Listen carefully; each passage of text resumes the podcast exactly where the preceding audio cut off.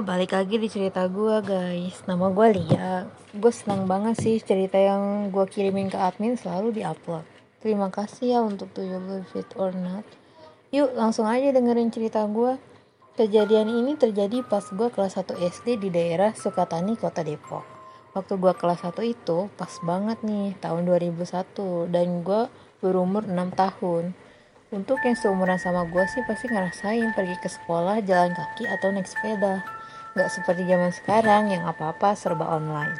Makanya gue disuruh orang tua gue untuk tinggal sama tante. Kebetulan juga tante gue ini baru pindah rumah. Yang rumahnya deket banget sama lokasi sekolah gue. Oh iya, alasan orang tua gue nyuruh gue untuk tinggal sama tante. Ya karena lokasi rumah gue ini jauh banget dari sekolah guys terus juga untuk ngeramai rumah baru tante. Karena rumah baru tante itu sepi banget. Akhirnya gue setuju untuk tinggal sama tante. Anaknya tante gue juga seumuran sama gue guys. Dan kebetulan sekolahnya sama hanya saja beda kelas. Nama sepupu gue ini Riko. Dari awal pindah ke rumah tante gue sih nggak nyaman karena hawa, hawa rumahnya berbeda-beda Terus gue juga gak suka sama lampu bohlam yang warnanya kuning setelah dinyalain. Bukan karena gue sombong ya, soalnya gue takut guys. Lampunya kurang terang, hawa di dapur selalu dingin gitu. Apalagi hantu rambut hitam panjang, bergaun putih, yang selalu ceria, ataupun sedih ini kadang-kadang suka nampekin diri di pojokan dapur. Coba bayangin guys, bentuk dapur rumah tante gue ini persegi panjang seperti kereta karena baru pindah, jadi barang-barang juga belum dirapihin. Maka dari itu, dapur kelihatan kosong guys. Ada dua kamar mandi, dan di sebelah kamar mandi ada sumur tua.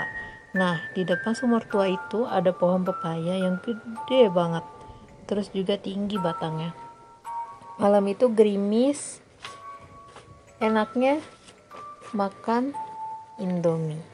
Karena gue dan Niko masih bocil, otomatis tante gue suruh si Bibi untuk masak indomie rebus.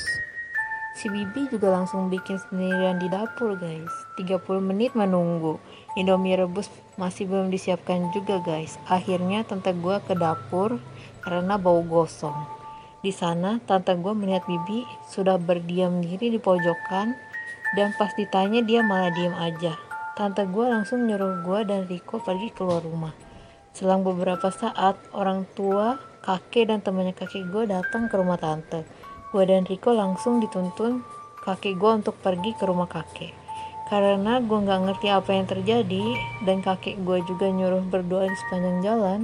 Di jalan gue juga lihat temennya kakek gue dan orang tua gue lewat di depan gue sambil bawa dan megangin si Bibi naik mobil. Akhirnya gue sampai di rumah kakek di sana ada banyak bapak-bapak yang megangin si Bibi. Di saat temennya kakek gue ngedoain si Bibi, semua orang yang megangin Bibi terpental loh guys. Padahal si Bibi ini orangnya kecil dan mungil. Setelah banyak pengorbanan dan berdoa, si Bibi ini akhirnya sadar. Bibi kelihatan lemes, pucet, dan keringetan banget guys. Setelah dikasih air minum dan beberapa saat, kemudian si Bibi pun akhirnya mau bercerita. Dia bilang dia nggak inget apa-apa. Dia cuma inget masak indomie di dapur. Terus dia emang ngeliat ada item-item besar di pojokan dapur seperti sedang ngeliatin dia. Dan yang lebih horornya lagi, dia dengar suara hembusan nafas dari belakang lehernya. Kayak gini guys suaranya nih. Itu aja sih yang dia ingat. Kalau menurut tetangga rumahnya tante dan temennya kakek gua juga, emang ada penghuni sekeluarga genderuwo di dalam pohon pepaya yang gede banget itu guys. Menurut temennya kakek gua keluarga genderuwo ini marah karena pohon pepaya itu selalu ditebang. Maka dari itu mereka akan selalu mengganggu penghuni baru di rumah itu. Nah untuk sarannya guys kita ini hidup selalu berdampingan sama makhluk-makhluk yang berbeda dengan kita Ya mungkin karena diusik, mereka juga pasti akan marah dan akan mengganggu sama halnya dengan kita. Dan di mana pun kita berada, kita harus selalu berdoa dan tidak melamun. Sekian cerita dari gua. Terima kasih untuk admin dan pendengar setianya Do You Believe It or Not. Lanjut terus dan sampai jumpa lagi di cerita gua berikutnya. Dadah.